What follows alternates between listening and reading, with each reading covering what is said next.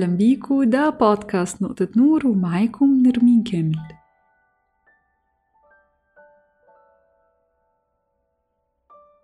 في حلقة النهاردة هنتكلم عن طريقة مثبتة علميا لتخطي أي تجربة مؤلمة.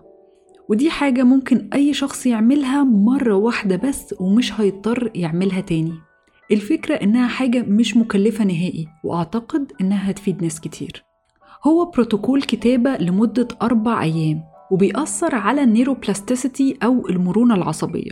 بمعنى إنه بيعيد كتابة مسارات معينة في المخ وبعدها التجربة المؤلمة دي ما بيبقاش ليها سيطرة على تفكيرك وحياتك. الحقيقة أنا كنت بعملها بشكل ما لكن ما كنتش بعملها بشكلها المرتب اللي هعرضه عليك النهاردة عزيزي المستمع. المادة العلمية اللي في حلقة النهاردة أنا عرفتها وأنا بتابع دكتور أندرو هيوبرمان واللي ما يعرفوش هو عالم أعصاب أمريكي وبروفيسور في قسم علم الأعصاب في كلية الطب بجامعة ستانفورد. وفي حلقة من برنامجه The Huberman Lab عرض كل التفاصيل المثبتة علميا وطبيا للطريقة دي. وتقدروا تسمعوا الحلقة بتاعته مفصلة لو دورتوا على برنامج The Huberman Lab الحلقة مدتها ساعة ونص.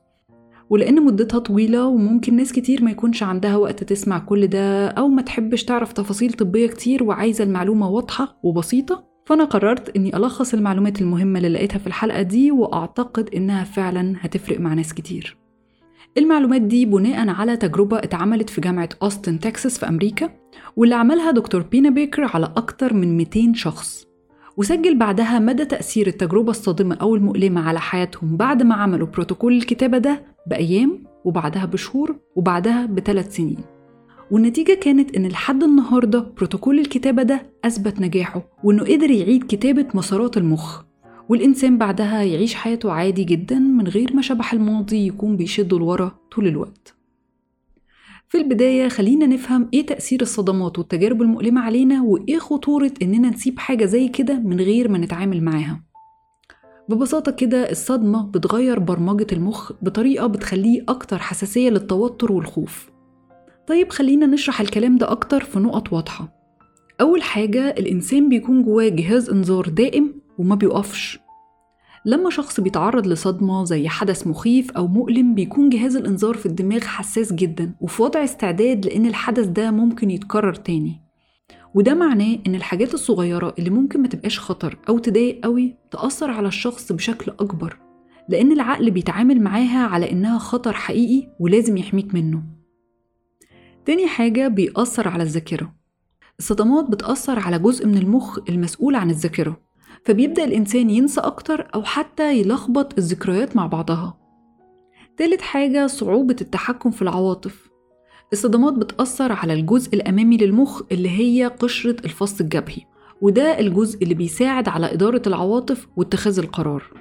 وبالتالي الشخص بيبقى مش قادر يتحكم في عواطفه ويتصرف بهدوء في المواقف الصعبة. أو ممكن يكون عنده صعوبة في إنه ياخد قرار مدروس. رابع حاجة بتغير الطريقة اللي بيشتغل بيها المخ ودي من أخطر الحاجات. فكر كده في المخ على إنه جهاز كمبيوتر ونازل فيه برامج. لو أنت غيرت في البرمجة بتاعته مش هيشتغل بشكل صح. يعني لو عدى عليك إن جهازك اتفيروس أو السوفت وير بتاعه حصل فيه أي مشكلة وما بقيتش عارف تشتغل عليه فده شيء مشابه للي بيحصل في المخ. بتتغير المسارات جوه المخ بعد ما بيعدي الشخص بتجربة قاسية فبعدها طريقة تفكيره ونظرته للحياة بتتغير. للأسف في ناس بتبص للموضوع ده على إنه خبرة أو إن الدنيا بتعلمك والحاجات دي. لكن هو لو أنت مش واعي تماما لتأثير أي تجربة على طريقة تفكيرك ولما التجربة دي بتحول طريقة تفكيرك لأنها تكون متشائمة وبتشوف الحياة بشكل سوداوي ده مش راجع للخبرة نهائي.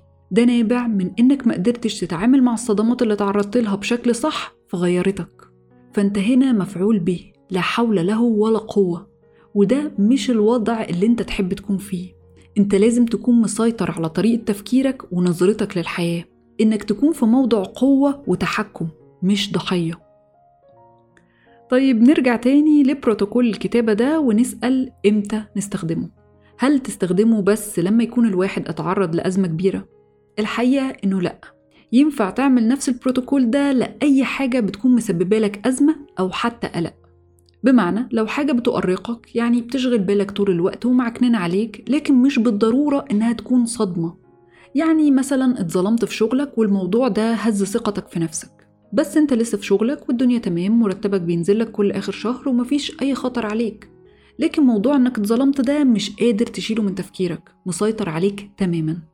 تقدر تستخدم الطريقة اللي هنشرحها في حلقة النهاردة وتخليك تعدي الموقف ده. شخص تعرض للتنمر وتهزت صورته قدام نفسه وبقى مش قادر يشوف نفسه غير بالصورة اللي الناس وصفته بيها لحد ما بقى حاسس إن دي حقيقته وهويته. يقدر برضه يستخدم نفس الطريقة إنه يعدي الحالة دي. فأنت ممكن مثلا تكتب أربع حاجات شاغلين بالك وتحط جنبهم درجات الأصعب اللي هو صدمة كبيرة وبعدها الأقل اللي هو مشكلة أو خناقة. وبعدها الأقل اللي هي حاجة شاغلة بالك ومعكنين عليك وهكذا. متهيألي الصورة وضحت تماما علشان ندخل بقى في المهم. فخليني عزيزي المستمع أعرض عليك بروتوكول الكتابة ده بالتفصيل. أولا تحذير. لو أي شخص بياخد أدوية أو بيتعالج من اكتئاب أو أي اضطرابات ما يعملش البروتوكول ده غير بعد استشارة الدكتور بتاعه لأن هيكون في كمية مشاعر مؤلمة كتير بتخرج وممكن ما تقدرش تسيطر عليها. لكن لو انت مش بتاخد أدوية لكن بتمر بفترة صعبة في حياتك وعايز تتخطى الأزمة دي فالموضوع آمن جدا. وأنا شخصيا جربته قبل ما أعمل الحلقة دي لأني مش بعرض أي حاجة في الحلقات من غير ما أكون جربتها وشفت تأثيرها وبشاركها بعد كده علشان الناس تقدر تستفيد. وبقالي أكتر من شهر وأقدر أقول إني شايفة تأثير إيجابي جدا في حياتي حتى لو وقت الكتابة كان صعب عليا نفسيا. في الأول هتحتاج ورق وقلم أو ممكن تكتب على اللابتوب أو التليفون. والتجربة أثبتت إن مفيش أي فرق في التأثير لو كانت الكتابة بالإيد أو بال typing الاتنين تأثيرهم على المخ واحد. هتحتاج مكان تكون فيه لوحدك من غير ما حد يقطعك نهائي طول فترة الكتابة. ومدة الكتابة هتتراوح ما بين 15 دقيقة لساعة. طيب هتعمل إيه في الساعة دي؟ هتقعد وتسترجع الحدث أو التجربة المؤلمة بكل تفاصيلها كأنك بتعيشها تاني بكل المشاعر اللي فيها. انت بتدخل جوه التجربة من تاني كأنها بتحصل دلوقتي حالا. بتبدأ تكتب كل حاجة المهم إنك ما توقفش كتابة. ما توقفش كتابة علشان تفكر ولا تحاول ترتب كلامك أو تزوقه. محدش غيرك هيشوف اللي هيتكتب وفي التجربة اللي في جامعة تكساس دكتور بينا بيكر طلب من المشاركين في آخر التجربة إنهم يقطعوا الورق أو يمسحوا الفايل اللي كتبوا فيه. فأيا كان اللي هتكتبه محدش هيطلع عليه ودي مساحة أمان تامة تقدر تقول فيها كل اللي أنت عايزه. وما تهتمش بالأخطاء الإملائية ولا إن الجمل تكون مكتوبة بشكل صح 100% بس كفاية إنها تعبر عن اللي جواك. في بعض الحالات الناس بتدخل في نوبات بكاء أو إحساس بالضيق. لكن برضو ده طبيعي جدا. أنت بتفتح الجرح علشان تنظفه علشان بعد كده يلم ويخف تماما من غير ما يكون له أي مضاعفات. منصحش أي حد يعمل تمرين الكتابة ده قبل ما ينام لأنه ممكن يأثر على نومك. أنت هتعيش تجربة مؤلمة للمرة التانية ولا قبل ما يروح الشغل أو قبل أي حاجة مهمة مفروض تكون فيها بكامل تركيزك. يعني تختار يوم أجازة أو ويك إند وتعمله في بداية اليوم أو نص اليوم بحيث إنه ما يأثرش لا على شغلك ولا على دراستك. طبعا مش محتاجة أقول إن ما ينفعش تعمل التمرين ده في فترة الامتحانات علشان ما يأثرش عليك نفسيا وأنت بتذاكر وبتمتحن. طيب عرفنا هنعمله إمتى. هنعمل التمرين ده بقى كام مرة؟ التمرين ده بيتعمل أربع مرات على مدار أربع أيام مختلفة. بس مش بالضرورة إن تكون الأيام ورا بعض. يعني ممكن يوم بعد يوم أو يفصلهم أسبوع. لكن المهم إن المدة كلها على بعضها تكون شهر. يعني على مدار شهر تختار أربع أيام في الشهر ده ورا بعض أو بينهم أيام وتعمل تمرين الكتابة ده. كل مرة هتعمل التمرين بنفس الشكل.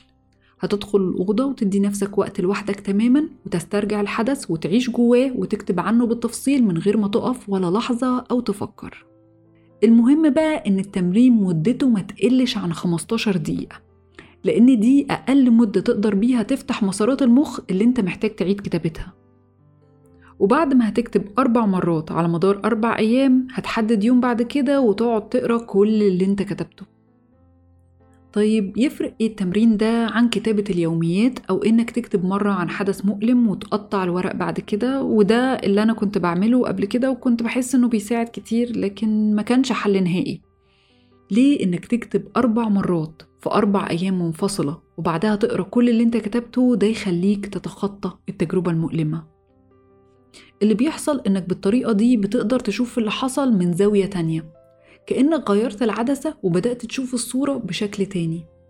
اللي حصل في تجربة دكتور بينا بيكر واللي خدت بالي إنه حصل معايا لما جربته إن لغتك بتختلف وإنت بتوصف اللي حصل مرة بعد مرة. بتقل كل مرة الحدة والانفعال اللي بتكتب بيه كأنك بتوصل لاتفاق مع نفسك كده إنه آه الحاجة دي حصلت وأنا متضايق بس خلاص اللي حصل حصل. وسبب تاني إن بروتوكول الكتابة ده نجح إن في جزء من المخ بيكافئ الواحد لما بيعمل أي حاجة كويسة والصدق من الحاجات الكويسة اللي مخنا بيدينا مكافأة عليها.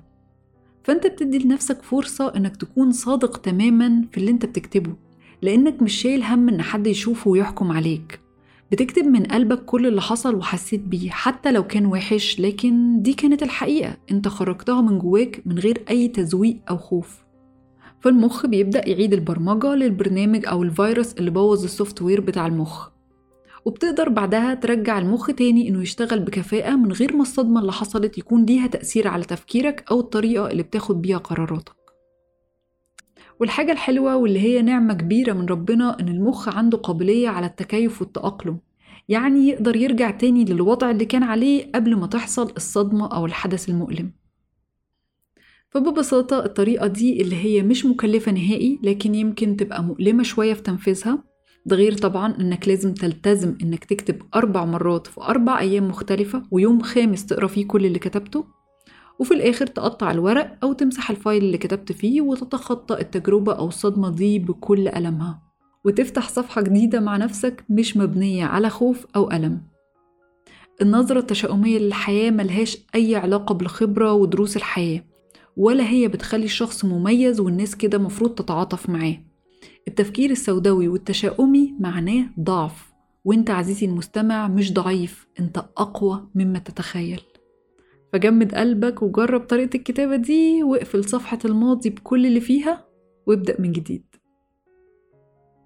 أتمنى تكون الحلقة عجبتكم وأشوفكم إن شاء الله في الحلقة الجاية. ده بودكاست نقطة نور ومعاكم نرمين كامل.